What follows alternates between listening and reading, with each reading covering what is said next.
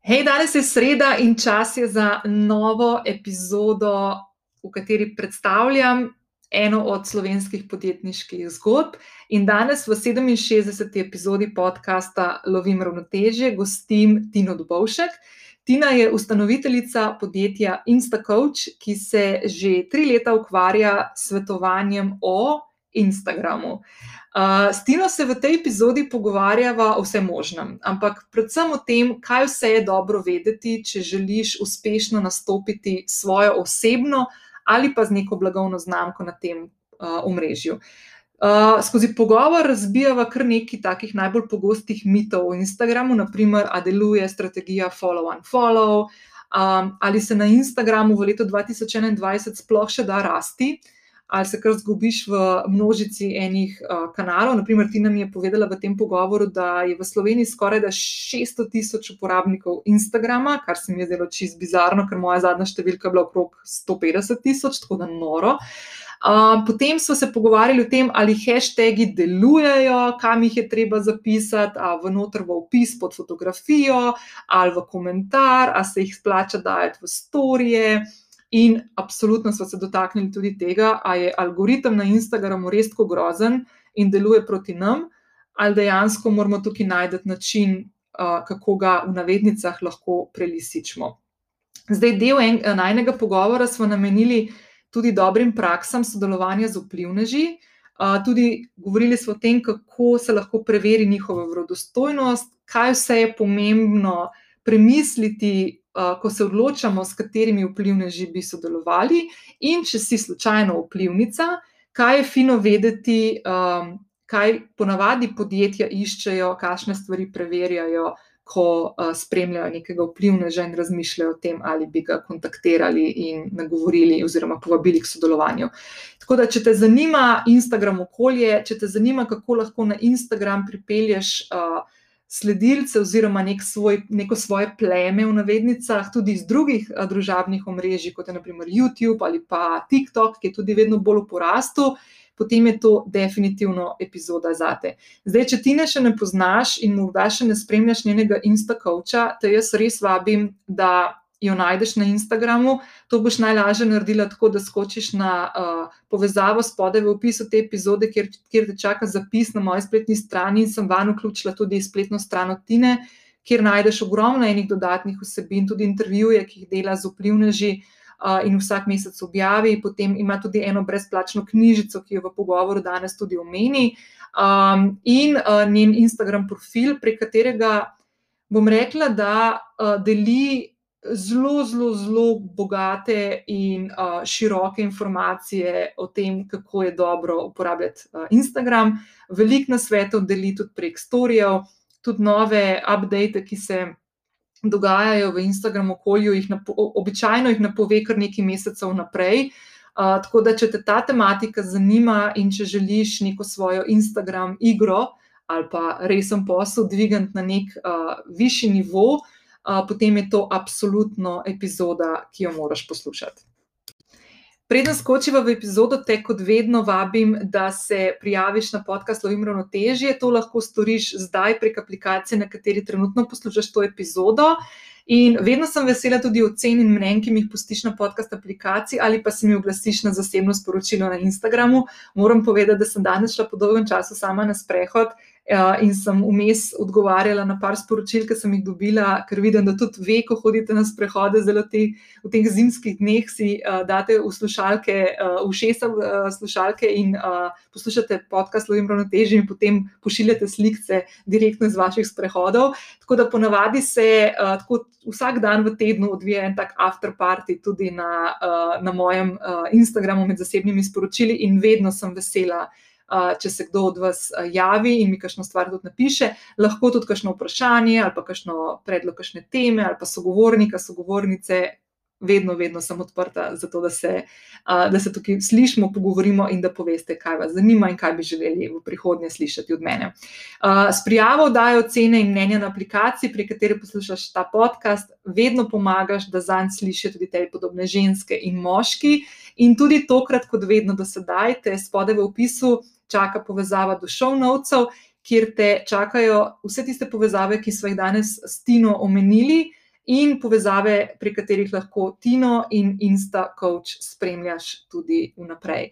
Zdaj pa mislim, da je skrajni čas, da skočiva v pogovor in da spoznaš Tino. Hej, Tina! Hej, življenja. Živijo. Evo, jaz sem fulj vesela, da sem te ujela pred mikrofon, zato ker te imam že kar nekaj časa v mislih in mislim, da smo se na zadnje videli enkrat poleti. Uh, res, res je, ja. zdaj le v času karantene, definitivno nič. Ne, ne, takrat smo se videli nekje še v poletnih mesecih, uh, ko smo si prvoščeno kosilo tle v bližini uh, mene.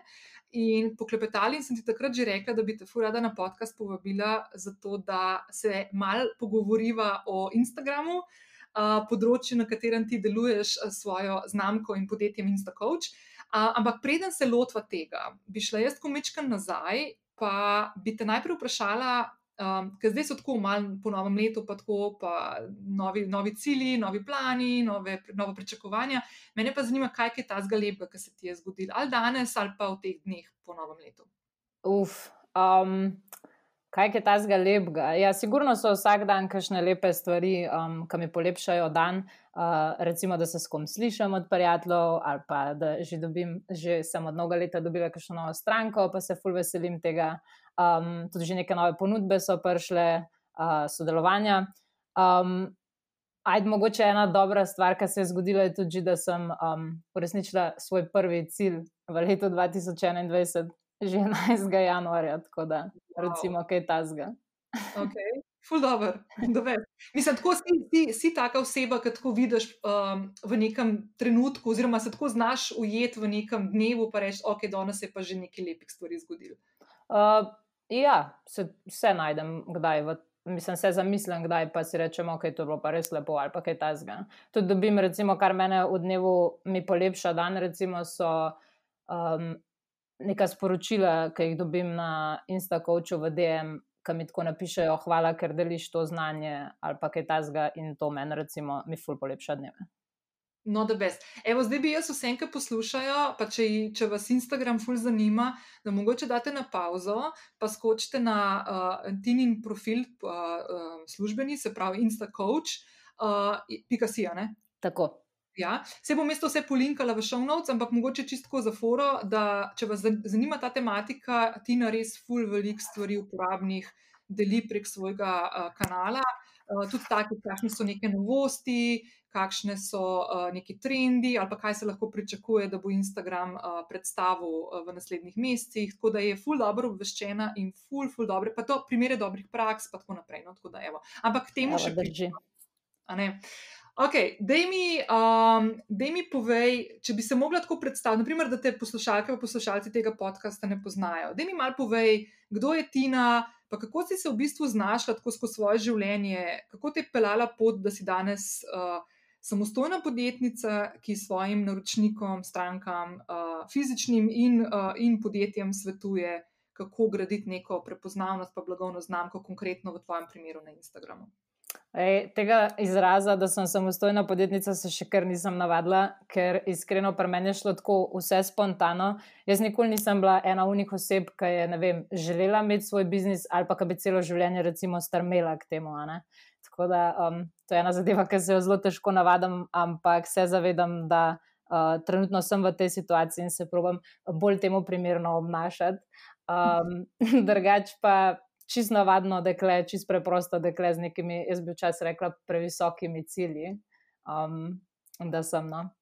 Drugač okay. pa, če pogledamo, recimo, mojo pot mal. Um, jaz sem začela, uh, v bistvu sem cel svoje življenje praktično preživela v bazenu uh, kot vrhunska plavalka. Um, končala sem to svojo kariero nekje pri 18, oziroma takrat, ko sem šla iz gimnazije. Uh, hodila sem na gimnazijo Ledina In pol sem se prepisala na Filofax, kjer sem študirala geografijo in zgodovino eno leto. in to zaradi tega, ker so me tako navdušili profesori na ledini uh, za ta dva predmeta. In mislim, da je izhajalo to iz tega, da sem hotela postati učiteljica v bistvu. Uh, sam nisem si pa zbrala očitno dosta prave teme, ker na koncu sem ugotovila, da je to enostavno prevelik zalogaj za me in da me zanimajo čist druge stvari. In potem sem se naslednjo leto tudi prepisala na fakulteto za organizacijske vede in smer tam informatika. Uh, tako da sem imela malo ekonomske, pa malo friagor. Uh, in pol sem to doštudirala v ne vem, nekih, kaj so vem, nekih petih letih. Uh, ful je bilo bolj enostaven, ker sem enkrat vedela, kaj hočem. Ker sem enkrat dobila idejo za InstaCoach, uh, pol sem kar naenkrat zaključila vseh ne vem, tistih osem izpitov, ki mi jih je ustal v enem mesecu.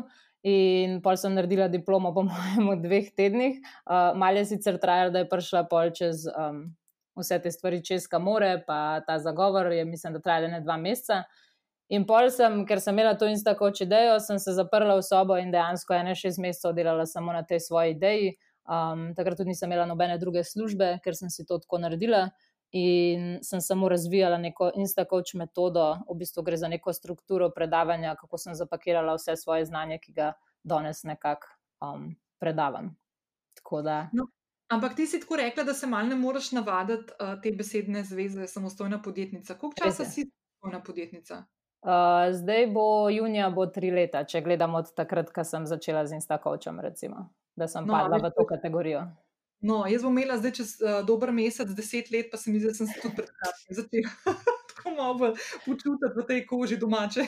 Ja, veš, ful je čuden, ker se mi zdi, da včasih um, ljudje toliko berajo o tem, pa toliko si to želijo, pa da grejo neko samostojno pot. Meni se pa res zdi, da sem tle noter padla čisto spontano, ker sem jo v bistvu, vem, po enem letu ljudje opazili in takrat nekako kategorizirali v to. No? Tako, in pa sem dojela, da, da ja, da spadam nekako v to. No, ampak se to je tista stvar, ne, v bistvu jaz sem tudi tako šla noter, ne, pač, okay, jaz sem izgubila službo, pa pol se nekako nisem videla več v nekih organizacijah in sem rekla, ok, jim šla jaz na svoje. Ja. Pa nisem takrat vedela, kaj to sploh pomeni, ali pa sem si mislila, ok, en let bom, zdaj bo deset. Uh, tudi tako zelo organsko in by the way, glej, zdaj danes, ko se pogovarjava in snimava, uh, jutri imam eno predavanje za ekonomsko fakulteto na temo, kako, um, kako gradiš osebno znamko. Ja. In sem ful režala, ker smo se prejšnji teden dobili, pa še dva sogovornika bosta, ki jih jaz ful cenim. En je Klemen Selakovič, ki ima Aideja podcast. Aha, pa en tuj. No, in sem tako, in sta najprej, ker smo se pripravljali, kako bomo to zapeljali, to predavanje prek Zuma, uh, sta najprej ona dva pojela, kakšno ima ta ona dva uh, nekako mnenje o tem, kako se gradi osebno znamko. In jaz sem imela tako ful močnega sindroma usiljivca, ker sem tako kot ti vse organsko naredila. Jaz nisem nobene stvari delala premišljeno, strateško, da bi se ful ukvarjala s tem, ampak je šlo zelo tako iz mene ven. Ne? In sem bila ful vesela, ker sta ona dva začela govoriti in sta bila zelo podobnega mnenja. In sem rekla, da meni se zdi, da te dobre zgodbe se morajo vedno zgoditi tako, da prihajajo iz tebe. Tako kot si ti rekla, da si ugotovila, kaj je tisto, kar te veseli in kar želiš početi se ti je pol vse skupaj poklopilo, ful hitreje in si našla neko tisto pot, ki do nas funkcionira. Ma ja, se strinjam. Včasih se mi res zdi, da nekdo, ki hoče to ratati, ki ima to začrtan, potem to bere in to gleda in posluša o teh stvarih, da v bistvu vsa ta leta minejo, ker se on samo uči, kako to biti, ne pa da dejansko to izvaja v tem času. In um, zaradi tega mogoče komu na ta način ne uspe, če pa ti delaš nekaj čisto organsko, oziroma nekaj spontano, uh, potem pa delaš in te pripele do tega, aj gess. Ja, in še ena stvar si dobro izpostavlja, to, da si najprej uh, pol leta se ukvarjala s tem, kako boš to dala v nek sistem, ne, kako boš to znanje in izkušnje, ki si jih že pridobila, dala v neko celoto, da boš lahko to predala tudi nekomu naprej, naprimer konkretno, ali da boš prek uh, Instagrama svojega izobraževala nek, neko bazo sledilcev, ki se okrog tvojega kanala gradi in krepi, in konec koncev tudi podjetjem, ki jim svetuješ uh, s temi stvarmi. In se mi zdi ful pomembna stvar, ne samo za tiste, ki nekako razmišljajo o tem, da bi si uh, gradili neko, neko odtis, na, na konkretno, da je zdaj danes v Instagramu govoriti. Uh, ali pa, naprimer, podjetja, ki gradijo neke svoje blagovne znamke in jih krepijo na tem omrežju, da to so stvari, ki vzamejo čas, ne? da to ni nekaj, kar je na jutr. Uh, je tek na dolge proge in Instagram, ki nas sicer malo uči, oziroma je prenesel nekako v našo družbo ta instanten občutek, da takoj, ko nekaj vidiš, takoj nekaj moraš imeti. Tako vse to instant, instant, instant, že v imenu ima to, ne? da dejansko te stvari na koncu potekajo tako. Je to tek na dolgo progo in je to nek tak maraton, ne pa neki, tako da se ti bo zdaj na jutr, ne vem, zgodila neka, nek preboj, sploh na nekem poslovnem ali pa prodajnem področju. No? A se ti zdi tako? Mislim, definitivno. Se mi zdi, da se ljudje um, danes ne zavedajo, koliko recimo delajo v ozadju. Uh, se mogoče kdo to, mislim, podarjajo, pa um, govorijo o tem, ampak še vseeno, recimo tudi jaz. Če me vprašaš, koliko časa sem, recimo, samostojni podjetnik, tri leta, koliko časa se ukvarjam z Instagramom, pa raziskujem o njemu, je več kot šest let. A veš, in mhm. tega potem ne vidijo. Vse sem vem, zapakirala vse pridobljeno znanje vem, v neko strukturo v šestih mesecih, že to je recimo veliko. Um, da sem pa imela vsa ta znanja, traja pa še prej, recimo tri leta pa pol. Mhm. No, da ne govorimo o tem, da ta tvoja znanja nadgrajuješ vsak dan, ki delaš. Ne? Konstantno, konstantno. Sicer se mi zdi včasih res, da mi kdaj zmanjka časa ker enostavno, če ti hočeš uh, voditi svoje podjetje, kar pri samostojnem podjetniku vključuje praktično vse, od ustvarjanja vsebin do računovodstva, jaz sem si še spletno stran sama postavila, um, vse nove, ne vem, platforme, ki jih zraven moraš se naučiti uporabljati, od MailChimpa in podobno. V glavnem, na koncu vse to sam delaš, da je zmanjka časa, da um, mogoče se še toliko učim, kot sem se takrat, mislim, da se tako si pa 24 ur um, na dan upet v tem, pa še vse en zveš, vse kar rabaš. Uh, mm -hmm. Tako da me pa ful veliko naučijo tudi stranke, skozi njih se v bistvu največ naučim, praksa je čist, čist nekaj drugega, kot kar nekdo, ki cele dneve sam bere. Mm. Ne, ful, ful zanimivo. Pa veš, kaj je mogoče, mogoče jaz, ki smo se že o tem pogovarjali, pa bi, pa bi eno stvar mogoče malo izpostavila. Prej si omenila, kaj si pa na koncu študirala in si omenila tudi uh, uh, računal, uh, informatiko. informatiko ja. Ti imaš v bistvu svoje ozadje, ne, uh, kar je meni ful fascinantno pri tebi, je, da ti razumeš, kako določena omrežja, konkretno v tem primeru Instagram, funkcionira tudi v ozadju, se pravi, kako je postavljen, uh, postavljen na to omrežje, zato da lahko potem tudi nekako širšo sliko imaš, zakaj določene stvari funkcionirajo, kako delujejo, kako jih, ne bom rekla, prelisičiti. Um, ampak poznaš v bistvu način, kako lahko gradiš neko, neko pojavnost na Instagramu, tudi z tega informacijskega vidika, ne, ne samo vsebinskega. Ja, definitivno je to prednost. Zaradi tega, ker meni nikoli, jaz vedno rečem, nisem bila neumna za računalnike, že od Mejhanga, vse te stvari so mi dosti jasne. Um, in nekako ti to tudi pomaga pri tem, ker Instagram ni samo to, kar ti objavljaš in kako ti zapeleš neke marketinške strategije, ampak je dosti tudi lahko rečeva, kako prelisičeš algoritem in zato moraš vedeti nekako, kako deluje. Ne? In tle pač so mi stvari mogoče dosti bolj logične zaradi tega. Okay, zdaj pa tako, če mogoče pozameva za nekoga, ki to posluša, pa naprimer ali dela v marketinškem oddelku ali pa je naprimer, ne vem, lastnik podjetja manjšega in tako naprej. Kaj dejansko, kako izgleda zgodba uh, Instacoach, oziroma kaj ti kot Tina in Instacoach um, ponujaš, kaj, kaj sodi pod neko svetovanje podjetjem ali pa konec koncev tudi vplivnežem? No? Okay, jaz v prvi vrsti um, se probam pozicionirati kot nek uh, kanal, predvsem na Instagramu, kjer slovenski uporabniki dobijo um, kvalitetno vsebino v slovenskem jeziku v zvezi z Instagramom. Ne? To je moj v bistvu nekako moj primarni cilj. Um, potem pa tiste, ki zanima več, uh, ki rabijo več, ki rabijo pomoč pri vodenju, pri rasti, pri takih zadevah, um, pa potem ponudim izobraževanja ena na ena, uh, kjer se nekako ponavadi trajajo tako dva dni po 4, 3 do 4 do 5 ur, odvisno od predznanja posameznika oziroma od predznanj uh, nekega podjetja. Um, ne, ne, se ne omejujem toliko na čas, kot to, da jim v tem času, kakorkoli ga rabijo, zdaj um, dam vso znanje, ki ga oni potrebujejo, zato da bodo potem kasneje znali voditi svoj profil. Uh, Uh, predelamo pa praktično vse v Instagramu, od A do Ž.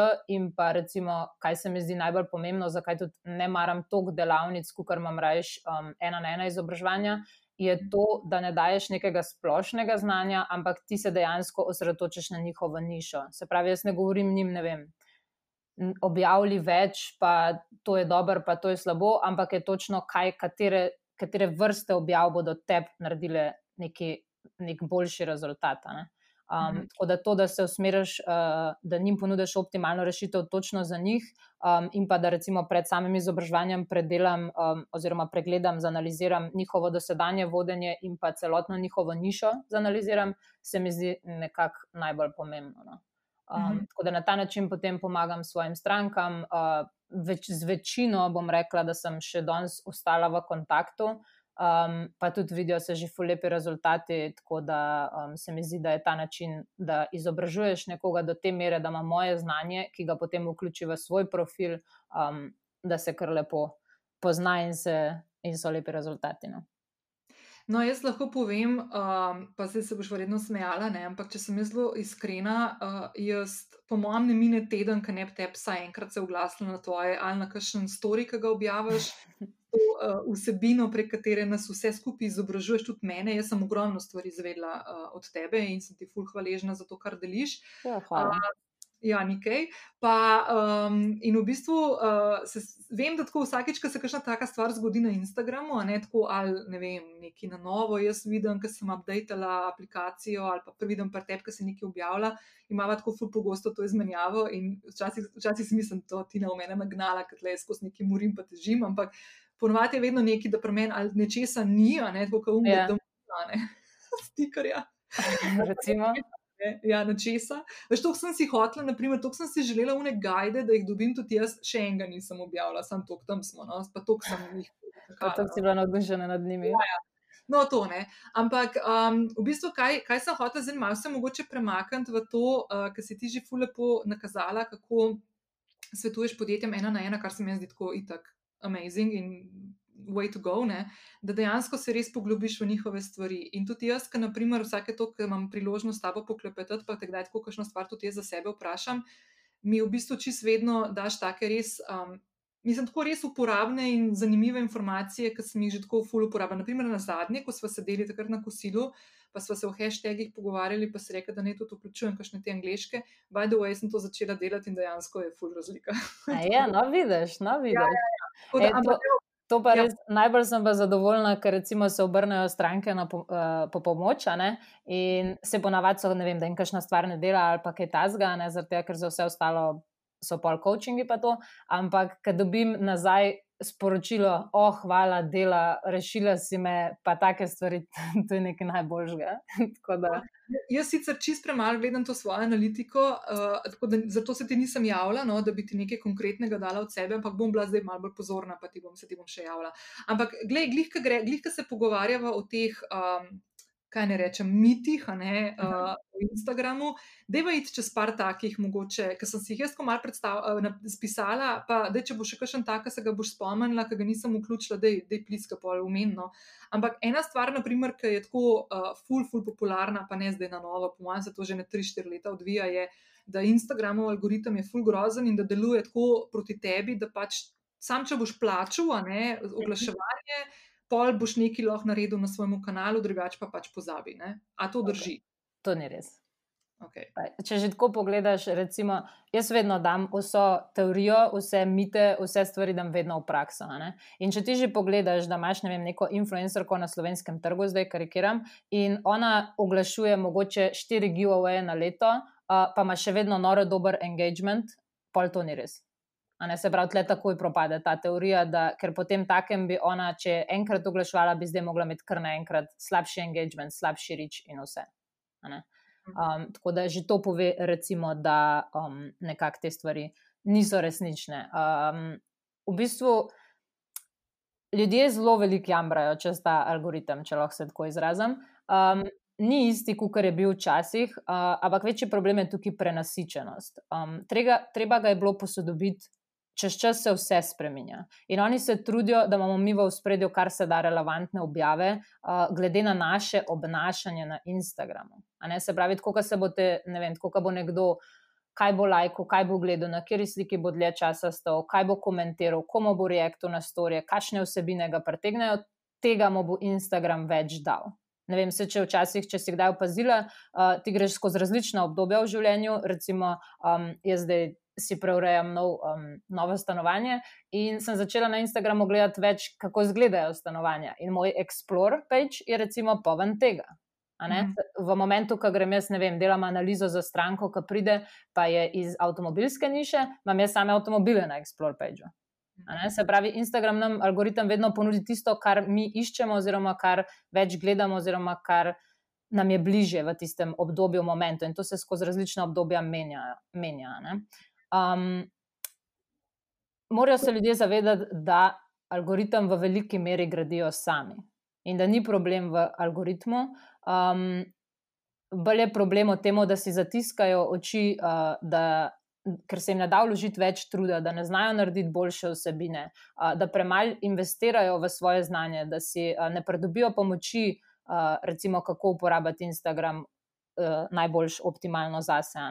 Um, delajo pač tako, kot delajo, in če jih to nikamor ne, ne pripelje, se niso pripravljeni spremeniti. In sprememba v tej digitalni dobi, ki smo, ki se svet noro hitro obrača in ki imaš pet minut slave en teden in naslednji teden se tega več noben ne spomne, in ki se vse tako hitro obrača, se je treba prilagajati, treba je stopiti ven iz te cone obdobja, ne? ker če ne ostaneš enostavno zadnji. In ful lažji je samo kriviti algoritem, kot dejansko nekaj narediti. In to tle se meni zdi, recimo, največji problem. No, jaz, na primer, ful se strinjam z vsem, kar si povedala, pa tudi jaz lahko na svojem primeru povem, da um, mislim, sicer jaz gradim neko osebno znamko, ne, nimam, nimam, mislim, ne delam na storitvenem področju, pa ne delam na, ne delam na storitvenem, ampak ne, ne to, kar delam na Instagramu, pa uh, nimam izdelka, recimo, ampak ne, kaj sem jaz ugotovila, je, jaz sem tudi ful. Uh, prčkala čez, in, čez algoritem in ga psovala in vse živo, ne, eh, še ne vem, kakšne tri leta nazaj. Ampak dejansko to, kar si ti rekla, da tisto, kar delaš na Instagramu, tisto ti bo Instagram dajal, zato da te bo s tem lovil in da boš dalj časa preživel na njihovem omrežju in bil s tem. Tako. Pač tudi izpostavljam večjim vsebinam, ki so plačljive, ki se ti bodo odvijale v tistem času, ko boš ti tam. Uh, druga stvar je pa ta, kar se pa na ravni nekih uh, podjetnikov ali pa vplivnežev ali pa kogarkoli, ki se želi pozicionirati na Instagramu, tiče, je pa, uh, da moraš ful, ful dobro razumeti in poznati svojo ciljno publiko, oziroma jo najti na Instagramu, oziroma priti do njih. Ne? In če boš imel vsebine, ki bodo nagovarjale direktno tvojo bazo sledilcev, uh, potem bo tudi uh, tvoj Instagram rastel, se razvijal in dosegal neke. Neke odzive, oziroma engagement uh, na, na objave, ki jih pač pripravljaš. Ne? Tako da tle gre z roko v roki, kot si ti rekla, ne? da se uh mhm. -huh. treba temi stvarmi ukvarjati in razumeti, kdo je tvoja publika. In mogoče ta preskok na res, ki mogoče nekaterim ljudem je malo težek, da nisi na Instagramu zaradi sebe, ampak da ta profil, ki ga gradiš, ga gradiš zato, ker si in service of svojim sledilcem. Ne? Mislim, oboje, jaz bi rekla oboje. Zato, ker ti v prvi vrsti delaš ti zaradi sebe, vsaj jaz delam v prvi vrsti zaradi sebe, zato, ker me to zanima in ne vem, meni predstavlja Instagram tak nepopisan list, kjer danes lahko izliješ kakršen koli, ne vem, je to talent, je to znanje ali karkoli. Če o nečemu veš, če si veš no, o nečemu, to potem lahko deliš z drugimi. In v prvi vrsti bi jaz vseeno rekla, da delaš recimo zaradi sebe. Ker če ne delaš zaradi sebe. Je moje mnenje, da ti teži rata, ker tisti, ki imajo odpor do Instagrama, jim ful težko rata, ne? ker jim ne da se jim. In to se vidi in to se čuti. Pa v drugi stvari je pa, da te svoje objave, recimo, pa prilagajaš potem svojim sledilcem. Ne? Tako nekako. Ampak ta drugi del ne, se doskrat pozabi na njega. Se pravi, da ni tukaj samo, da ti daš ven tiste stvari, ki te zanimajo, ampak dejansko mora padati nekomu, ki išče tako vsebino, Tako, tako. Ja, seveda se moraš držati nekih um, zadev. Tudi, recimo, meni je ful fascinantno, kako ti lahko eno, mislim, kako iz vsega, kar objavljaš, ti lahko zelo hitro prebereš, ali je to všeč tvojim sledilcem ali ni. Če jim je všeč, deli tega več, če jim ni, poiš drugo možnost. Um, jaz že za ne vem, par objav, ki delamo tele update, recimo te objave so najslabše engagene. In pa če skozi iščem način, kako to narediti za svoje sledilce bolj zanimivo. Ne? Tako da tleh že po tem, kar delaš, lahko zelo hitro vidiš, um, kaj lahko zboljšaš, pa um, kaj, bolj, kaj želijo tvoji sledilci. Mm -hmm. Ok, naslednja stvar, hashtagi. Hashtag je uh, moja najljubša tema. Hashtagi ali pa ključniki, uh, a delujejo, ne delujejo, kam jih daš, ali jih v caption noter napišeš, oziroma v opis, ali jih daš uh, v komentar, ali jih daš v storije, ali jih ne daš v storije, E, to, to je zelo dobro vprašanje, pazi zdaj. Um, do, še vedno, po vseh teh letih, po vseh teh desetih letih Instagrama, se ljudje še vedno sprašujejo, da da hashtage v opis ali v komentar. In uh, če lahko zdaj to tle javno povem, da bo za, za vse le enkrat, um, ti lahko hashtage prelepaš kamorkoli. In zakaj se to ljudje sprašujejo? Tega, ker je to dobra in zanimiva tema in naslov tazga članka bodo vsi kliknili. Uh, noben pa ni šel pogledat um, za nazaj do leta 2000, mislim, da je 11, ne bom zdaj za zih rekla, ko so hashtagi vam prišli. Uh, čist lepo piše v njihovem press releasu: uh, It doesn't matter if you put them in a caption or a comment. A ne, se pravi, oni so že ob samem releasu javno povedali, da ni pomembno, kam jih ti pišeš, in ta informacija se je skozi leta zgubila. In danes se še vedno cel internet to sprašuje, ampak v bistvu je čist črno na belem, da dejansko deluje oboje. Recimo, to je ena od takih zmot, ki um, ljudje mislijo, da vem, bodo odkrili toplo vodo ali karkoli. Pa da, to, te članki so v bistvu, po mojem mnenju, postavljeni gor samo zaradi tega, ker uh, pritegnejo ljudi, da kliknejo na neki ta zgan. Mm -hmm. Uh, Drugač pa, no, ko si me vprašala, kaj, če hashtagi uh, delujejo ali ne, definitivno delujejo, pa še kako delujejo. Um, hashtagi so res lahko naši najboljši prijatelji, da, da je naša vsebina vidna. Če ti, recimo, bi zdaj objavila neko sliko in od spodaj napišeš nek hashtag, Love is Blind, recimo, in bi v tistem momentu bil cel Instagram, oziroma vsi uporabniki Instagrama, ki jih je zdaj več kot milijarda, gor na tem hashtagu, bi bil ti viden vsem. Pač se to se ne zgodi, ampak večji, ki so hashtagi, večja je možnost, da te več ljudi vidi. In um, zdaj pa bolj relevanten hashtag, ki ga ti uporabiš, bolj najdeš sebi podobne ljudi uh, z istimi interesi, in večje so šanse, da te bo tam nekdo videl, da ti bo začel slediti, oziroma pol kasneje te koraki, da um, začne engagati s tvojo osebino in pa ne vem, začne stvari kupovati od tebe, če si recimo brand. In tako specifično in zastojn, kot je možnost targetiranja s hashtagi, tega pa še nikoli ni bilo. Mm -hmm. In ti jih, na primer, priporočaš, da se jih, no, okay, jaz lahko povem za sebe, jaz jih dajem v komentar, ampak predvsem zato, ker imam jaz precej dolge opise, ponovadi. Uh -huh. Pa mi je lepši čist vizualno, da ne posiljujem v navednicah še s tistimi, ki mi je grdo, tistih hashtagi, ampak jih vedno dam v komentar. Vedno jih poskušam imeti to, kar jih je dovoljeno, zato ker če imam možnost uporabiti 30, zakaj jih ne bi uporabljala 30? Tako pa poskušam najti tako, zdaj delam to kombinacijo, kot me je Tina podočila, ne, da delam neko kombinacijo angliških, teh, še vedno ne nekih teh love, pa marketing, pa to ne, ker to pač ne. Ne preveč splošnih. Ja. Ja, bolj, bolj take neko nišne, no, uh -huh. pa v, neki povezavi tudi s slovenskimi, zato ker pač komuniciram v slovenščini in moja znamka se gradi v Sloveniji. Ne, tako da mi je to pomembno. Ampak zadnjič sem pa tudi probala uh, jih dati tako, pa so še kopirati v, v story, pa skrit na zadnji nekaj, uh -huh. ne, potisniti na obrobje ekrana. Pa moram reči, da tudi sem videla, da je.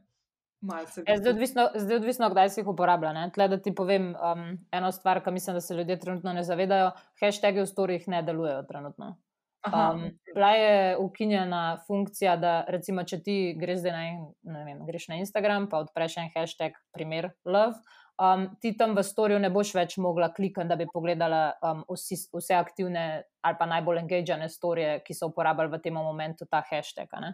Um, tega ni več. Tako da enostavno iz, iz vidika uporabljanja hashtagov trenutno na storijih nima smisla. Edin, če ti hočeš zaključiti neko besedo, ne vem, hashtag sam povem. Aha, ok, štekam. To vem, to, to se zdaj spomnim. Ja, to je bilo prej, po mojem, to je bilo tam v začetku jeseni. Ja, to pa je bilo. No. Dobiš nove, si viden tudi tam, ne še ena možnost več, da si viden. Ok. Okay, zdaj, omenila si, da je na Instagramu prek milijarde ljudi. Ali imaš mogoče podatek, koliko slovencev ga uporablja? Ali imamo te podatke? Uh, imamo. Uh, mislim, da je ne me držati za besedo, ampak uh, če se ne motim, je bilo oktobra 598 tisoč. Mihi, wow. Ja, če okay. se lahko, lahko pa tudi pogledamo. Prav, skoraj, mislim, več kot vsak četrti slovenec je na Instagramu. Ne? Ja, če ki gledam. Cool. Uh, ne, se veš kaj, moje vprašanje je zdaj tukaj. Ne, tudi če naprimer nekatera ena znamka uh, želi, kot sem naprimer jaz, želi delati na v Sloveniji ne, in se fokusirati na slovenske uporabnike Instagrama, tukaj je neko polje, ki pač je že kar konkretno veliko. Pa me zanima, se to smo se že malo dotaknili na Instagramu, mo, če imaš neko, nek, ne vem, naprimer si lepa afna, da je tako ker lepa afna ima, ne vem, 100 tisoč pa nekaj svojih sledilcev. Ja. Uh, lahko na Instagramu še rasteš, ali, ali, je tako, um, ali je to neka taka stvar, da si dosegel nek plafon in se malo smo že to odgovorili, no, v bistvu. Um, okay, najprej sem, da se bo pravim za nazaj. Od novembra 2020 jih je 589 500, evo, ta prava številka.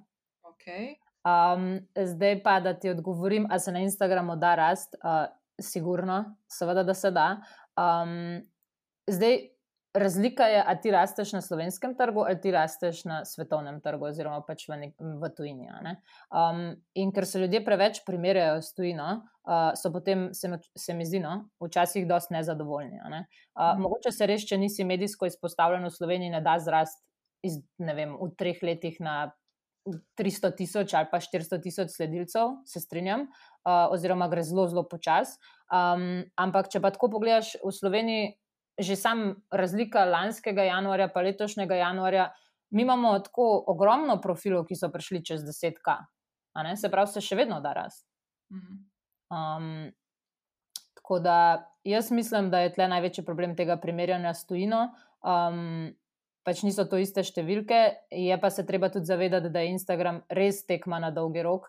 Uh, Včasih se mi zdi, da kažem pride do mene, pa bi res tak nek magic pill, da se to zgodi čez noč, um, ampak nekako to ne gre tako. Moraš imeti neko um, pametno strategijo, uh, se držati nekih stvari, uh, sploh če se tega lotiš čisto od začetka. Zdaj, če so to neki zunanji vplivi, kot da ti se pojaviš v nekem šovu v Sloveniji, ne, potem pa, pa če to lahko hitrejša, pa bolj eksponentna rastane.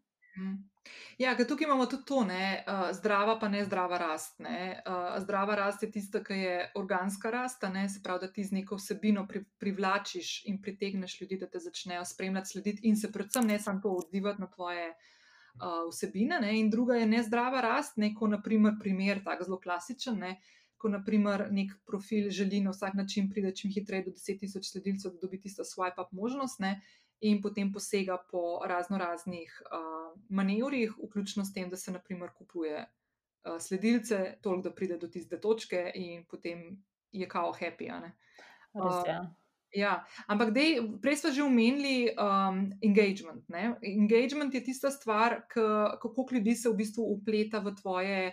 Objave oziroma v tvojo vsebino, in je definitivno, če se strinjaš, no, saj jaz tudi dojemam te stvari, da se mi zdi, da je to tista tista stvar, ki jo bi jo mogli eh, zasledovati in jo čim, čim bolj krepiti, kot tisti, ki imamo neke profile na Instagramu in gradimo neko zgodbo prek Instagrama, pa znamko, kot tudi, naprimer, podjetja, ki iščejo naprimer, neke vplivneže, s katerimi bi, s katerimi bi sodelovali, da pogledajo in spremljajo predvsem to kategorijo. A se strinjaš s tem ali Ja, mislim, spremljajo sigurno lahko um, več stvari, ampak engagement je definitivno ena izmed njih. Engagement je v bistvu, koliko ti dobiš lajkov in komentarjev v razmerju s tem, koliko imaš ti številko sledilcev. In a se bo zdaj neko podjetje poslužval enega, ne vem, influencerja, ki ima na, na, na Instagramu 30 tisoč sledilcev, pa 200 lajkov na slike, ali bo raje vzel nekoga, ki ima 30 tisoč. Um, sledilcev pa tisoč lajkov na slike. Se pravi, boljši, kaj večji, kaj je engagement, bolj to pomeni, da imajo nekako njegove ob, eh, objave večji doseg, um, da več ljudi z njim nekako komunicira, da mu zaupa, da ima pač enostavno večji vpliv. Ne? In že to je sigurno en pokazatelj, da se splača z nekom bolj sodelovati, kot z enim drugim.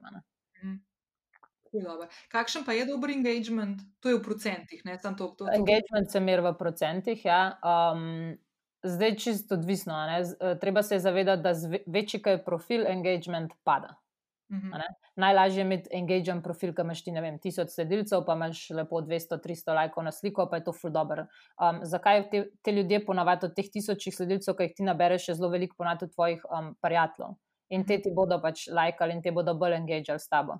Bolj, ko greš višji, težje je ne, nekako um, dobiti tok takih ljudi, kot so tvoji prijatelji, recimo temu tako. Mhm. In uh, pa, pa, kar si ti tak na nekih večjih številkah, je pa to še, še enostavno teže, ampak nekako 4 do 6 procentni engagement naj bi se nekako um, ohranil, da bi lahko rekel, da imaš dober profil. Kar je engagement, ne vem, en procent, pod en procent, veš, da je čisto slabo. Um, tako da se tudi, če že pogledaš, ne vem, lepa Afna, Adriana Dimec, to imajo 8-12 procentni engagement, to je recimo vrhunsko. Ne? Plus da imate velike profile. Ne? Tako, tako. Ja.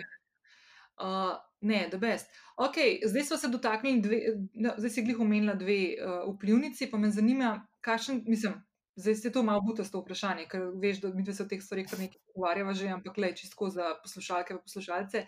Uh, vplivnostni marketing, ne, tako fuljenih mnen in plusov in minusov in razlag in, in vsega živega, no debate ker se mi zdi, da doskrat se zapeljejo čist napačne vode, ampak nima veze. Um, moje mnenje je, no, da vplivnostni marketing je ena od tistih ključnih stvari, ki bi jih mogla praktično že vsaka kampanja vključevati um, v svojem koru, ne, kot ne, Mhm. enega kanala, oziroma tudi budžeta. Ne. Mhm. Pa me zanima, kako, kako ti gledaš na to. Je full simple. Jaz vedno rečem, da če. Um, Ko mi nekdo reče, recimo, da influencer marketing, vplivnostni marketing, da ne deluje, jaz vedno rečem, da delaš nekaj narobe. Ne? um, ponavadi se najbo, najslabši influencer marketing dela tam, kjer imajo podjetja odpor proti njemu. In če to daš ven, potem um, so večje šanse, da bo to tudi zate delovalo. ne.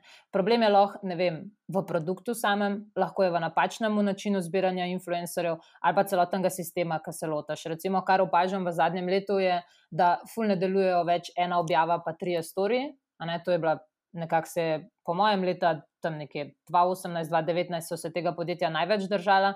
Um, zdaj gre vse bolj v pravo smer, vsaj po mojem mnenju, v ta dolgoročna sodelovanja. Um, ampak enostavno ta influencer marketing, meni se zdi zelo simpel zadeva in tudi dokazali so ga, recimo, um, ok, se mogoče firme z večjimi bud- budžeti, ampak Poleosport, ki je prišel na slovenski trg, Abavčuk, ki je prišel na slovenski trg, um, to je vse preko vplivnežev šlo. Mhm. In uh, če to delaš prav, definitivno deluje, no? vsaj po mojem mnenju. Mislim, da je bila tudi narejena ena raziskava, mislim, da jo je delal Red Orbit agencija, um, ki so testirali leta 2019 eno kampanjo na dve stvari so testirali. Uh, Eni agenciji so dali, da um, naredi uh, kampanjo oglaševalsko prek zakupa uh, digitalnih oglasov, se pravi Google pa Facebook Ads, plus, Mhm.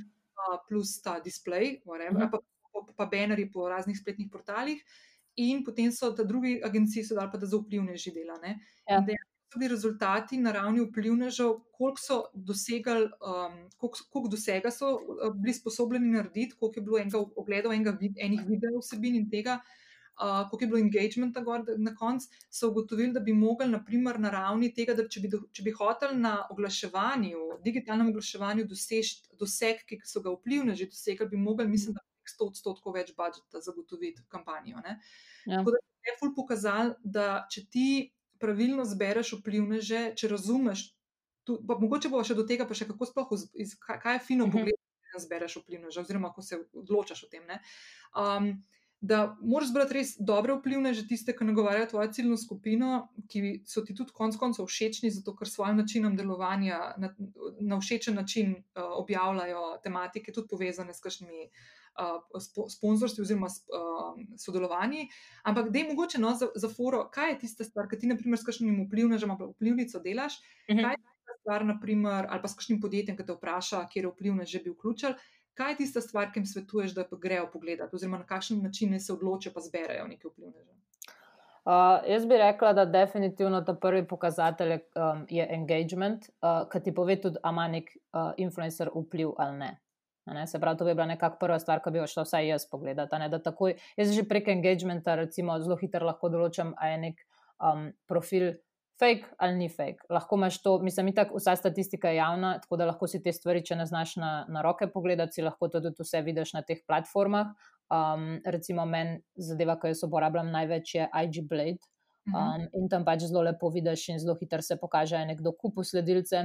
Recimo, če greš pogledat njegov audience type, pa da najdeš na prvih petih, eh, pa demografijo, no, pa najdeš na prvih petih um, mestih držav, da ima noter, ne vem, prvo bo imel Slovenijo, ampak če nima Slovenije, je že dosti slabo.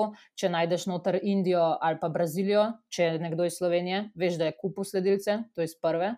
In zelo take stvari ti lahko tam odkriješ. Lahko tudi gledaš, recimo, kako mu followerji rastejo, oziroma padajo vsak dan, pa ne samo kako mu followerji rastejo, pa padajo, ampak tudi kakšen ima on following vsak dan. Ne, se pravi, a jih na dan, ne vem, pofollowa 20, pa naslednji dan unfollowa 15, pa potem pofollowa 40, 50, pa potem spet unfollowa. ne. Tle ti recimo ta podatek ti takoj da vedeti, da nekdo uporablja bota. Ne. To so te programi, ki namesto tebe followajo in unfollowajo um, ljudi. Ne. Tako da um, zdaj ali to vidiš na roke prek engagementa, ali greš pa pač s pomočjo teh um, nekih analitičnih, statističnih orodij ne, na internetu. Uh, tako da engagement je bila definitivno prva, um, ki ti pomaga, ti da vedeti um, za nek vpliv. Uh, pol, recimo, če gledamo sam slovenski trg, Uh, v Sloveniji se zelo hitro pokaže, mislim, v Sloveniji, če vsaj malo poslušaš, pa če vsaj malo veš, kaj se dogaja, uh, je zelo pomemben tudi dober glas. Eno je statistika, druga stvar je pa, um, vse se govori o dobrih influencerjih. Mhm. In dejansko to zelo hitro lahko um, obrneš vse popritane, da veš, kateri so tisti ta pravi. Uh, potem so razno razni, ne vem, doseg objav, definitivno ena zelo pomembnih stvari, da je iz prave niše. Uh, se pravi, če ti hočeš, ne vem promovirati neko kremo, jo valjda ne boš dal nekomu, ki je v avtomobilski niši. Ne, se pravi, to mogoče včasih na robe delajo, ko grejo vsi preveč na to masovko oziroma na prevelik brand awareness, pa potem zaidejo čistveni svoje niše. Um, da so, moraš, moraš nekaj časa slediti uh, posamezniku, da ti ugotoviš, da, da je pristen, da ti je tako, kot si tudi rekla, da ti je pač všeč, da se lahko poistovetiš z njegovo vsebino, da veš, da bo dobro naredil, oziroma dober, da bo naredil na ta način, ki je tudi tebi všeč. Um, zelo fino je tudi, recimo, pogledati, kaj že oglašujejo, koliko časa stojijo za svojimi produkti. Um, a, a tako res, ne vem, delajo vsak dan z drugim, a masovno podpirajo, ali so bolj osredotočeni na tri, štiri sodelovanja skozi leto. Um, kar pa recimo bi pa lahko izpostavila, da se pa preveč gleda, pa prevelik pomen daje, je pa definitivno številka sledilcev. Uh mhm. -huh. To pa, to bi ni, ni številka sledilcev, vse. Ti imaš danes tudi v Sloveniji, imaš ti en kup profilov, ki imajo veliko številko, sledil, veliko številko sledilcev, um, nobenega engagementa, um, ali so pa zelo pač recimo slabi, kljub svoji številki. Mm. Ej, veš, kaj sem te hotel vprašati? Uh, Ker se v engagementu pogovarjava, pa si umenila, da na engagement vpliva, uh, vplivajo komentarji in lajki. Uh mhm. -huh. Na engagement vpliva tudi, koliko ljudi si, naprimer, shrani tvojo objavo za kasneje. Ali pa povem. Glej, zadnjič sem brala uh, pri tem direktorju Adamu Moserju od Instagrama, da dejansko ni dokazano, da vplivajo tudi sevi, pa še rek, če mi dajemo full velik pomen. Recimo. Oni v algoritmu dodali so te funkcije, niso jih pa tako hitro um, po mojem, spremenili v algoritmu, v zadju. Uh, sigurno prinašajo, ne rečem, da ne, ne, ampak še vedno se mi zdi, vsaj po zadnjih podatkih, da imajo fokus bolj na, na samih. Um, Na, laj, na samih lajkih in pa na, na komentarjih. Vse še vedno gre eno z drugim. Bolj ko vse je logično, bolj ko bo sevana, bolj ko bo šerana, um, bolj jo bo prikazoval, večji bo doseg. Ampak uh, po mojem je skupek vsega. No? Ni pa to tako pomembno, kot vsi, vsi, vsi poudarjajo. Se imaš ti, ne vem, jaz imam objavo, ki ni bila nič, ne, ne, ne, nič shranjena, ampak ne vem, ima 10 sejvov, pa ima ne vem, 13 tisoč uh, riča, pa imam pa objavo, ki je bila 120 krat sejvana, pa ima ne vem, 8 ur riča. Mhm. A veš, ja, ni, ni to vse tako, ljudje nekaj preberajo in si ful vzamejo za sveto. Mhm. Tako da ja. ni, ni čisto, sigurno je pomemben dejavnik, faktor, ampak ni pa to vseeno. V skupek vsega je na koncu celota. Pa se če imaš ti dobro vsebino, lej, se lahko zgrešiš s kakšno objavo, ampak na koncu bo še vse, če je dobra vsebina, bo Instagram pušnil naprej. Lej, vse se začne in konča pa vsebini, če me vprašaš. Veš kaj, ja, absolutno se strinjam. Veš kaj, še meni je ena ful fascinantna stvar, ki se pa meni doskrat zgodi. Um, ker rečemo, da nisem v tistem 4-6-procentnem engagementu, ki si ti rekel, da je dober, jaz imam mečkan manj. Pa ja. mi je to čudno, ker meni kar nekako ne raste, ampak imam pa ful, ful mi raste odzivnost, no, mislim, tako pa upletanje ljudi. Ampak uh, ena druga stvar, ki jo jaz opažam, ki je pa težko dati v eno številko, da meni veliko pomeni, naprimer, kaj neko stvar objavim, uh -huh. uh, pa mi pol, naprimer, nekdo dva meseca ali pa včasih en let kasneje. Uh mhm. -huh. To sem pa pri tebi videl. Ja, ja, ja, je, ne, niso številke vse.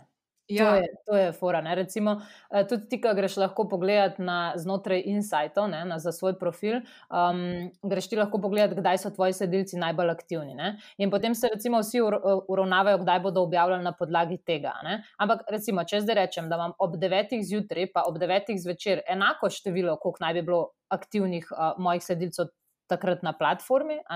Um, noben ti pa ne pove, to je samo številka, noben ti pa ne pove, kdaj so oni bolj pripravljeni konzumirati vsebino, ki jo ti objaviš. Se pravi, vem, ob devetih zjutraj, če bom jaz objavila uh, neko, neko stvar, ki učim. Ne, nekoga, um, so ljudje takrat ponovadi v službi, kjer nočijo biti, ali pa kjer morajo biti, um, uh, študentje, uh, šolari, kakorkoli na faksih, služ, na faksih šolah, kjer morajo biti spet ali pa nočejo biti. In v tem času bodo oni veliko rajši konzumirali mojo vsebino, kot kar zvečer, ko so oni frej, ki delajo svoje stvari, ki so lahko sparjatli. In tega ti statistika ne pove. Veš, to je samo en primer, ampak dejansko ni vse vedno samo v teh številkah. Ti moraš tudi malo zraven um, tako pomisliti. In tudi, če imaš ti recimo, malo slabši engagement. Ja, mogoče imaš starejše sledilce, starejšo generacijo, ki nimaš toliko, um, ki ni toliko, ne, ne morem reči, vešča o tem, da bi lajkal, ampak enostavno. Ne lajka tok. Potem imaš pa ti na drugi strani ne vem, neko um, lepo afno ali pa komotor minuta, ki imajo dejansko zraven YouTube močen profil in oni s tem dobivajo fene. In te fani so ponovadi mlajša generacija, ki pa zelo veliko lajka. -hmm. Se pravi, da oni tako imeli večji um, engagement na svojih objavah. To pa še ne pomeni, da tvoje objave niso tako vidne. Ja. Ne, se to je fulj zanimivo, ker v bistvu. Um, Uh, jaz, na primer, res preseb vidim, ker imam tudi podobno, ne ob 9. zjutraj, ob 9. zvečer, ampak meni, na primer, če jaz zjutraj objavim, zato ker sem ugotovila, da tisto zjutraj dejansko so ljudje, pa me ne vem, tudi mogoče spočite možgane, imajo pa preberejo do konca. Ja, pa, tako. Pišejo pa tako. No. Tako da jaz tudi ponavadi najrajši, kar zjutraj pa to. Čisto odvisno, kakšna je osebina. Zdaj, če bo neka čisto sproščujoča osebina, ne vem, da si naredila tam enega selfija, lahko objaviš tudi zvečer, če nimaš nič zelo pomembnega za sporočiti, da bi ljudje mogli biti zbrani pri tej objavi. Ja. Se pravi, v takem primeru ti lahko te stvari objavljaš zvečer. Če pa ti, ne vem, želiš, recimo, da se uh, nek produkt proda, ne? ja, največkrat ljudje verjetno šopingirajo do povdne. A veš, mm. lahko tudi da zvečer, se tle spet, odvisno, kaj imaš, in to je tisoče dejavnikov. Ampak se ki nekako nekaj časa delaš, um, zelo hitro lahko pogruntaš ta sistem. Samo moraš biti na te stvari pozoren, ne pa biti vedno pozoren samo na številko. Ja, pa vsaka skupnost se začne drugače odzivati, tako da to, kar lahko slišiš za nekoga drugega, ni nujno, da bo potem. Tako, treba se tudi zavedati, da čisto vsak profil ima svojo vrsto sledilcev. Noben nima, ist, imaš podobne, ampak nimaš istih sledilcev. In enim je bolj všeč to, drugo je to, in ti se moraš prilagajati svojim sledilcem, ne to, kar drugi počnejo. Še ena stvar, ki se mi zdi tako mogoče pomembna, me zanima tvoje mnenje, uh, da uh, Instagram omogoča kar nekaj različnih načinov objavljanja uh, vsebin. Ne? Se pravi, omenili smo naprimer to, da objaviš na svojem profilu, se pravi na feedu, uh mhm. -huh. video ali pa fotko ali pa guide ali kako koli, potem uh, imaš story objave. Uh -huh. Tudi uh, IGTV, kjer gre za daljše video vsebine, uh, uh -huh imaš uh, uh, live, insta live, uh -huh. okay, rilse, ki pri nas še niso. No? niso uh, ampak se pravi, a, a to drži, da je fino, da poskušaš čim več teh stvari, ki jih Instagram omogoča, nekako plest noter v, v svojo pojavnost, ali ni potrebno. Ja, to je recimo en mit, ki bi se jaz recimo z njim strinjala, da dejansko, če mislim, ena od takih stvari, ki se ful govori, pa se nikoli ne ve, mogoče odgovora. Um, Instagram dejansko nagrajuje uporabnike, ki uporabljajo stvari, ki si jih oni izmislijo. Se pravi, če bo on zdaj dal ven IGTV ali pa če bo dal Rilse, bo pač pušil te ljudi, oziroma bo dal večji pomen, doseg um, tem, recimo, objavam in tem uh, profilom. Tako da tle, recimo, bi jaz rekla, da je zelo fino, da uporabljaš čim več, kar lahko, uh, oziroma pač čim več vsega.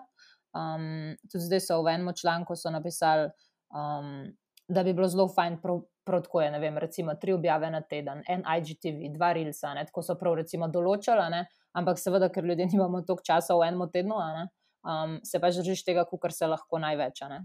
Uh, pa mogoče tle še ena stvar, uh, ki se mi zdi, da ljudi vedno ful skrbi, vedno si lahko vzameš premor od Instagrama. To, to se mi zdi ena taka zmotna zadeva. Um, tudi če te ni en mesec gor ali pa en teden gor, ja, mogoče ti ne bojo followeri rasti ta čas, ampak če prideš nazaj, to še ne pomeni, da zdaj bo vse narobe. Mm. Tako da. Um, Ne se bati, kdaj vzeti malo premorano, tako sem sam hotel reči. Vesela, da si to povedal. Svet se ne vrti okrog tebe, to je tako mal ego način razmišljanja. Uh, druga stvar je, uh, da tudi tiste, ki mogoče jih mal skrbi, uh, da je to, kar si zdaj naštela, kaj Instagram rekel skozi teden, da bi bilo fino objaviti. Ja. Po mojem, nikoli ni dovolj vsebin, tudi če so te vsebine dobre. Tako da uh, možnost konzumacije vsebin na, na družabnih omrežjih, pa sploh mogoče še zdaj v teh časih, ki toliko časa preživimo doma in imamo toliko manj možnosti, da se družimo in hodimo po lokalčkih ali pa v kino ali pa na gledališče, ne, da zaradi tega še več časa preživimo na social medijih in imamo to potrebo po konzum, konzumiranju oziroma potrošnji tega, tega, teh vsebin, ne se bati tega, da kreirate vsebine, če so dobre, pa če nagovarjajo tiste ljudi, ki jih nagovarjate, pa da so uh, narejene na način, na katerega se vaša skupnost odziva. Je lahko tudi vsak dan objava, tudi dve, nekateri pa čisto lepo funkcionirajo. Ne? Ja, najdeš, jaz mislim, da je, da je pomembno, da si najdeš nekaj, kar deluje za te. No? Seveda, da je bolj, da si konsistenten, seveda, da je bolj, da čim več objavljaš, uh, zato ker enostavno se potem toliko več možnosti imaš, da si viden. Ti že sam z eno objavo lahko dosežeš, ne vem, 8000, 13000, 15000, um, recimo, unik profilov ali pa kakorkoli. In če, to, če to ponoviš vsak dan, je sigurno, da imaš večje možnosti. Ne? Ampak nekako jaz to želim, jaz recimo še vedno preferiram kvaliteto nad kvantiteto. To je tudi, recimo, ful veliko govora o tem. Dočim vidim, da se vedno več pojavlja, da ljudje sam da dajo gor, pa tudi, če ni dovolj kvalitetno, samo vsak dan moram nekaj objaviti ali pa karkoli. Um, ja, se mogoče tudi, ne vem, na ta način več rasteš ali pa hitreje rasteš, ampak meni se, men se zdi zelo pomembno, da tisto, kar jaz vam dam, da sem jaz sama pri sebi s tem zadovoljna in da vem, da je res in da vem, da so to preverjene informacije in um, da je nekako res najbolj kvalitetna ta informacija, kot je lahko. Ej, veš, kaj sem še razmišljala, da predem se premaknemo naprej, mogoče te slabe prakse. Veš, kaj sem se spomnila, vmes, ko si govorila o rasti. Okay včasih je bila ta, ta fama, ne? follow and follow, delaš skozi, skozi, skozi, zato da ful prevabiš folka. Ja. To boš rekel, ker si lahko videl, kakšen je bil aktiviti tvojih sledilcev uh, um, na, na tem, tam prlajkih, veš, uh, ker si lahko spremljal, kaj se dogaja. Uh -huh. Enih sledilcev dubo, pa si jih na sicer naslednji dan ful tudi zgubo, ampak uh -huh verjetno je to en kup enih takih praks, ki mogoče so še bolj aktualne. Pa, pa se kakšno tako spomniš, ki mogoče si misliš, da okay, ne tega delati, kar res ni treba, pa mogoče ni jih dobro. No? Ja, follow and follow je zihar ena takih stvari, ki jih res, jaz, jaz res ne vem, zakaj to ljudje delajo. pač, um, v bistvu ne dobiš, to se živi, če ti priješ na en profil. Pa sledi več kot 2500 tem ljudem. To se takoj vidi, da to delaš. In tvoj newsfeed, ne, se pravi, ta zga profila, je totalno neuporaben. In če jaz hočem zdaj imeti njega kot sledilca, uh, šansa, da se bo recimo moja objava njemu prikazala izmed 2500 ljudi na, ljudi na newsfeedu, je tako mehna, da pač je on za me totalno neuporaben sledilc. Že če tako pogledaš, on ne bo engaged z mojimi objavami. Um, vsaj ne v taki meri, kot bi nekdo, nek profil, ki sledi samo 600 tem ljudem. Uh, se pravi, že tle takoj vidiš, vidiš na teh statističnih orodjih. Uh, vidiš po tem, da. Um, zdaj sem pa pozabila, kaj sem hodila reči. Glavne pač vice na, na, na tisoče načinov se ta, ta zadeva vidi. Aha, se pravi, recimo, ko nekdo to dela, pač ti začneš nekoga slediti in pa ga um, čez dva dni unfollowaš, in pa čez tri tedne spet pride nekak ta tvoj profil k njemu v obrat in spet te začne slediti. In to ljudje se že prepoznajo te stvari. Zakaj bi, ne vem, mene začel slediti, ne vem, kot da imam, da imam jaz zdaj, recimo, da sem nek profil s tisočimi sledilci, uh, pa da mene začne slediti nek profil, ki jih ima 13 tisoč. A ne se veš, kaj dela, čez en teden te bo on follow. Meni se zdi, da so ljudje ratali že danes tako uh, pametni, da prepoznajo vse te signale in znake in da ne padajo na te fore. Ampak očitno ne, očitno še vedno ja. nekako deluje. Jaz sem presenečena, da to se še dogaja. Jaz mislim, da je to mogoče zdaj že nehalo, ampak uh, jaz, aha, no, jaz lahko povem iz svojega zornega kota. Jaz leta nazaj, ko sem vse živo testirala na svojem Instagramu, sem tudi to delala in lahko povem, da sem blokirana tudi od določenih ljudi. Uh -huh normalno in tudi mimo grede, tudi jaz to naredim, če, se, če opazim nekoga, ki to počne, uh, ki je pač brez veze. Druga stvar z vidika uh, enega podjetja, naprimer, ne, uh, če se tega loteva, je pa to, da to, kar si ti umenila, ne, da želiš imeti nekoga, ki te sledi, zato ker te sledi, ker mu daš nekaj od sebe, kar potrebuje v tistem trenutku, ali pa odgovarja na neke njegove težave, vprašanja, išče rešitve, kar koli tazga. Se pravi, da je to človek, ki se bo vračal k tebi, ki pri tebi dobi neko osebino, ki mu pomaga, glede na to, kje se nahaja ali v življenju, ali pri delu, ali pri ne vem, whatever. In da, naprimer, je, je dovzeten za te stvari in se bo vklapljal v v tvojo osebino. To so, ker s tem ne samo, da rasteš in gradiš svojo prepoznavnost in svoj položaj na tem omrežju, ampak dejansko tudi ti pomaga na vseh drugih nivojih, ki smo jih danes že omenili, vključno z engagementom. Ne?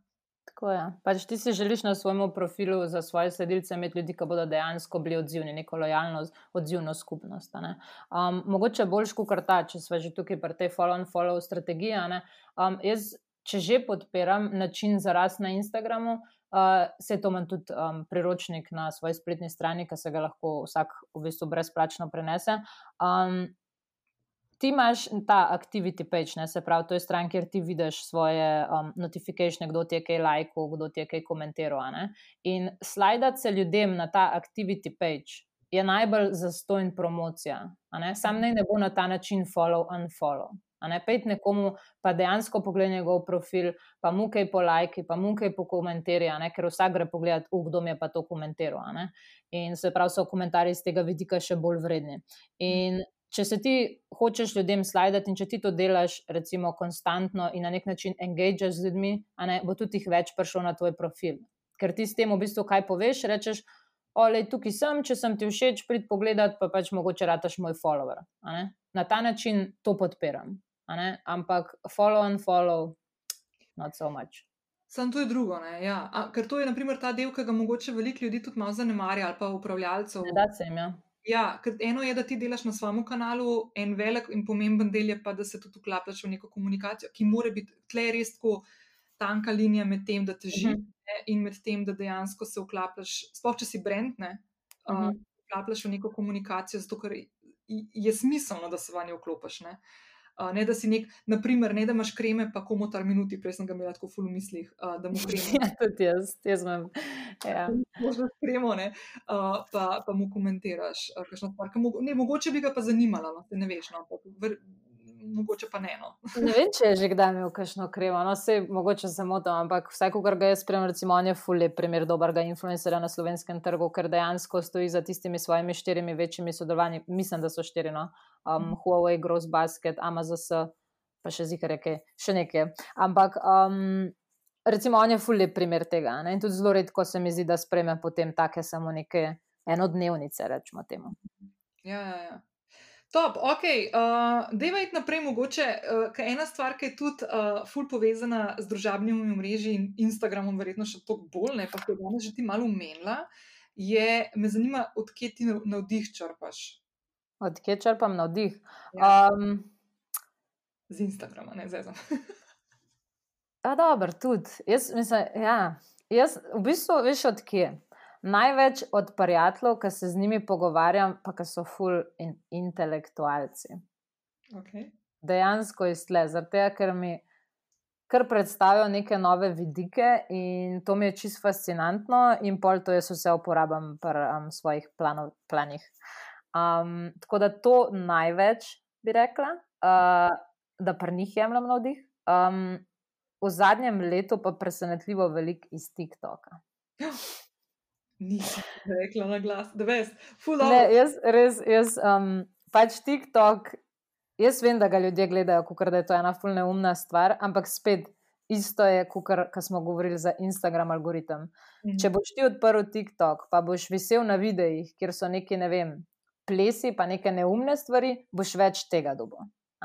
Če pa boš ti gledal, recimo, moj moj For You page na TikToku je sestavljen iz razno raznih trikov in nekih poučnih stvari, in ne vem, take stvari pač, ki me zanimajo, ampak ki mi zraven preneso, ne vem, kako lahko. Tako pa tako neki fotkaš, ne? se pravi, da se učimo fotografijo, oziroma kako s telefonom narediti neko ful dobro sliko, kakšni taki triki ali pa heki.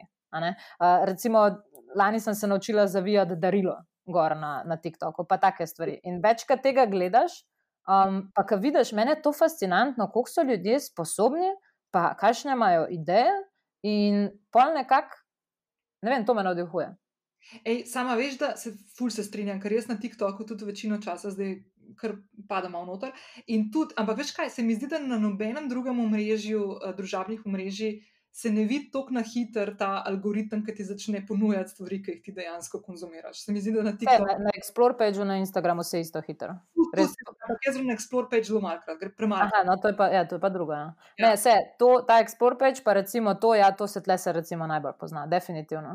Tako, tisto, ne vem, kar boš gledal, če boš v obdobju, ko boš, ne vem, traumiral za enim fantom ali pa nekaj boš več tega dobo na fit. Razumeš? In to dejansko, če si v obdobju, kjer te zanimajo, ne vem, neke pozitivne stvari, boš več tistega dobo na fit. Če gledaš neke. Um, kaj jaz vem, neke adrenalinske videe, boš dobil več tega. Če gledaš same plese, boš dobil več plesov ne, in tako naprej. Tako da ful se poznajo.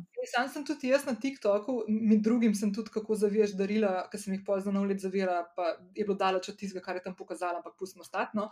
Uh, drugače, ogromno enih stvari zvedla, se naučila, ta, zelo uporabnih stvari, ki jih nisem nikjer drugje našla. Ja, ja. Res, res je to se kar strinjam. No. Pač meni se zdi ta TikTok tako zaklad, zakladnica enih idej. In bolj, ko greš globi, več lahko najdeš. Evo, čisto iskreno. Tako da meni men je full dober in se mi zdi, da sej, ja, sej sem Instacoach, pa govorimo o Instagramu, ampak jaz nikoli ne bom zanikala, da moraš imeti um, neko prisotnost na vseh ostalih družbenih omrežjih tudi.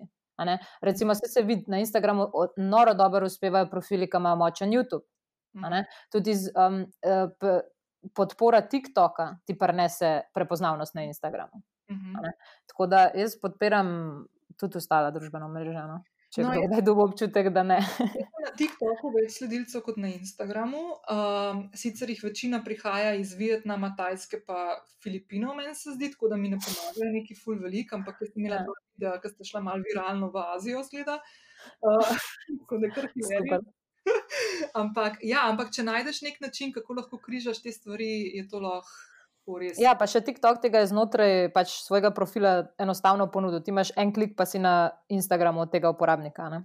res je. Ja. Tako da je pa res, da pač so ljudje danes rajši, na- mislim, rajši, ne morem reči, da so rajši na TikToku, ker še vedno je Instagram zelo v spredju, ampak rajši zahajajo tja, pa naredijo neko objavo za tja, ker dobiš tok hiter, tok več enega engagementa, oziroma tok več enih ljudi, pa pa objaviš na Instagram, pa se nič ne zgodi. A ne, pač Instagram je bolj tekma na dolgi rok, medtem ko trenutno na TikToku se lahko ti spremeni live v dveh tednih. Ja. ja, to je posebej za tiste, ki so ful obremenjeni s številkami ki. Tako, Absolutno. tako. Čeprav zanimivost, ne? Jaz sem, po mojem, ene šest videov na TikToku objavila, tega sem jih pet objavila, tako da sem jih uploadala iz svojega telefona, se pravi, da niso bili znotraj aplikacije in po nekih teh, v navednicah, zakonitostih TikToka. Mhm. narejeni, ne. Mhm. In sem dosegla, ne vem, mislim, da na dveh je šlo prek dveh milijonov ogledov, ne tako bolan. hudo. Ampak to so bili taki, uh, taki videi, ki so brezvezni, ki nimajo veze s tem, kar jaz bi želela, naprimer na TikToku, graditi podobno neko zgodbo, kot je gradila na ostalih, ostalih kanalih. Ko sem ja. Pa naredila neko to zgodbo, ne, ko sem dala vem, par knjig, ki jih je fajn prebrati, če se želiš podati v Mhm. podjetništvo, ne, je, sem se zafrkavala s tistim videom, da ti ne povem, koliko časa, ker sem na TikToka delala, ne, in v prepričanju, da bomo malo rilse dobili, da bom pač pa pa redi. In je tako brez veze bilo, ne, tako sploh ni nikar, nikamor zraven. Nikamor prišlo. Ja, veš kaj, tudi če enkrat ti grejo videi viral in ti med svojimi sledilci dobiš um, tujino, ne, je pa če delaš recimo video v slovenščini, zelo težko kamorkoli pridati.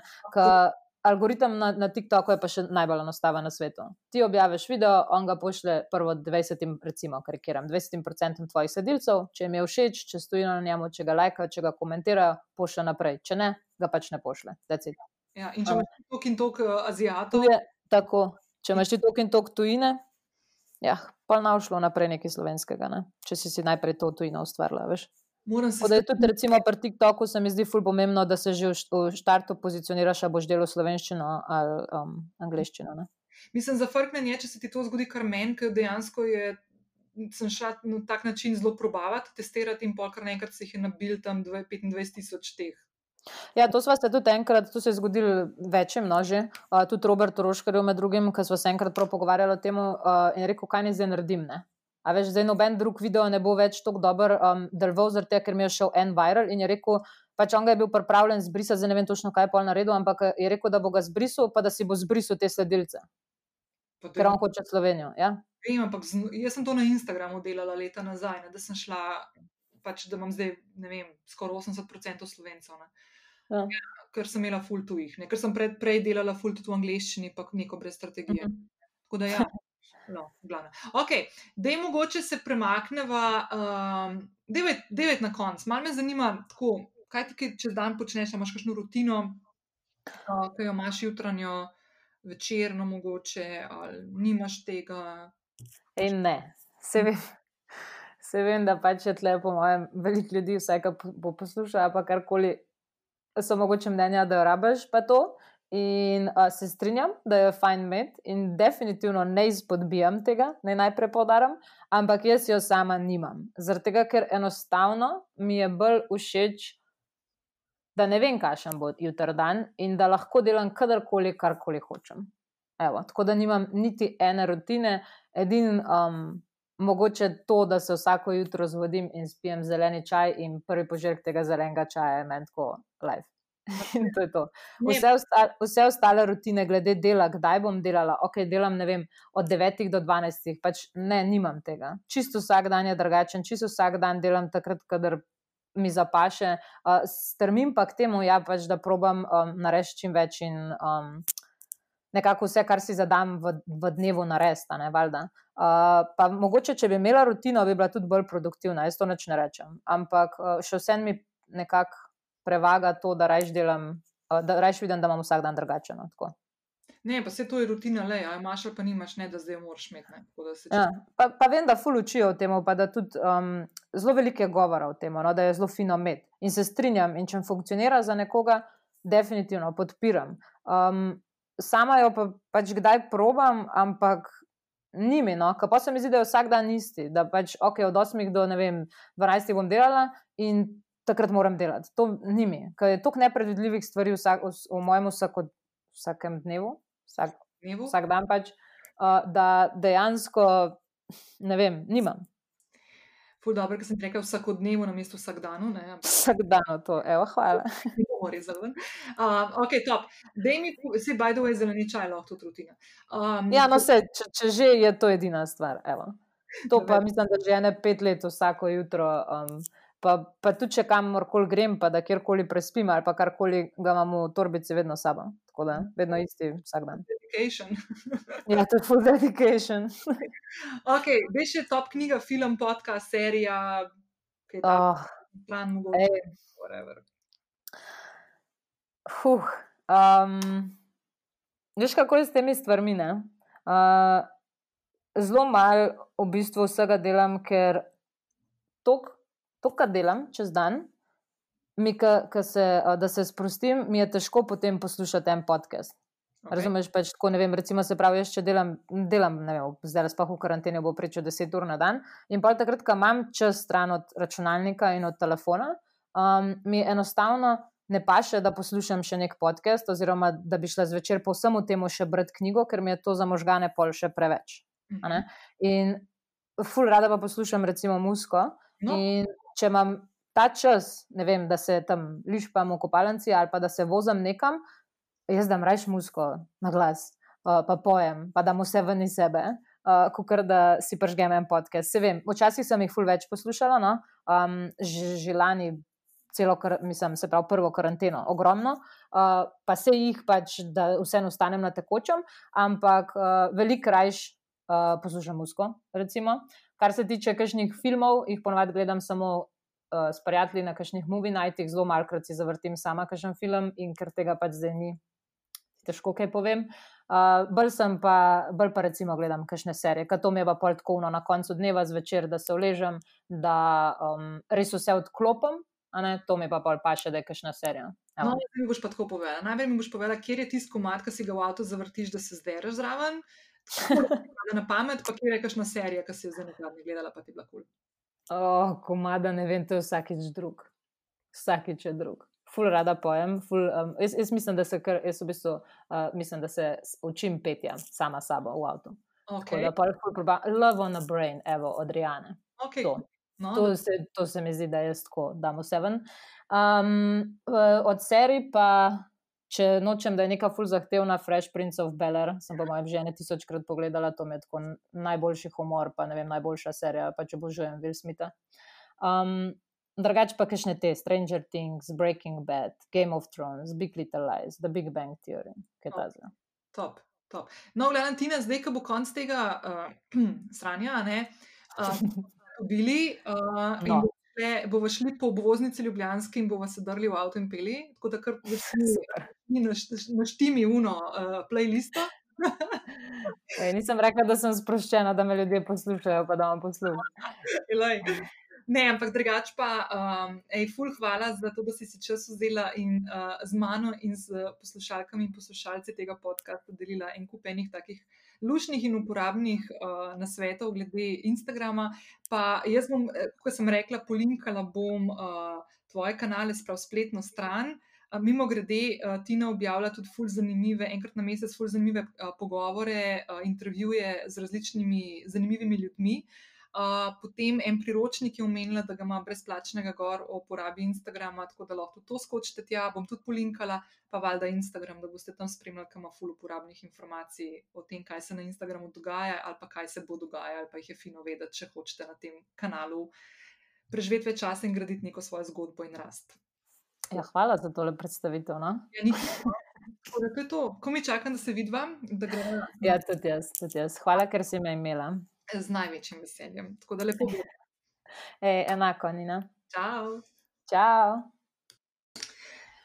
Evo, to je to, Tina, ful, hvala. Jaz, sem, jaz lahko povem, da sem ena od tistih ljudi, ki čist vedno, ko imam kakšno vprašanje povezano z Instagramom, je Tina tista, ki dobi od mene zasebno sporočilo na Instagramu, seveda. Uh, Uh, in vedno, vedno, vedno mi da en tak zelo, zelo zanimiv odgovor, in vedno mi z odgovorom pokaže, da res obvlada in da ve, kako te stvari funkcionirajo in laufajo na tem omrežju. Uh, tako da, uh, če imaš podjetje in razmišljaš o tem, da bi uh, svojo Instagram um, aktivnost dvignila na nek višji nivo, je Tina definitivno oseba. Na katero se lahko obrneš. Jaz poznam kar nekaj podjetnikov in podjetnic, tudi večjih podjetij, uh, ki jim je Tina svetovala, tako kot je sama omenila, na ena na ena svetovanju. In lahko povem, da, da so bili fulj zadovoljni. Da, um, jaz sem Tini že tudi rekla, da bi jo v kratkem kaj najela, ker ima vedno občutek, da lahko še marsikaj drugega zvem in, in uporabljam tudi svoj Instagram nastop na, na enem takem višjem nivoju. Uh, tako da Tina, um, ki se bo peljala tam okrog po Ljubljanski obvoznici, ko se bo smeli, bo poleg petja še enkrat spet odtekli ta krok, no pa upam, da boš imela čas.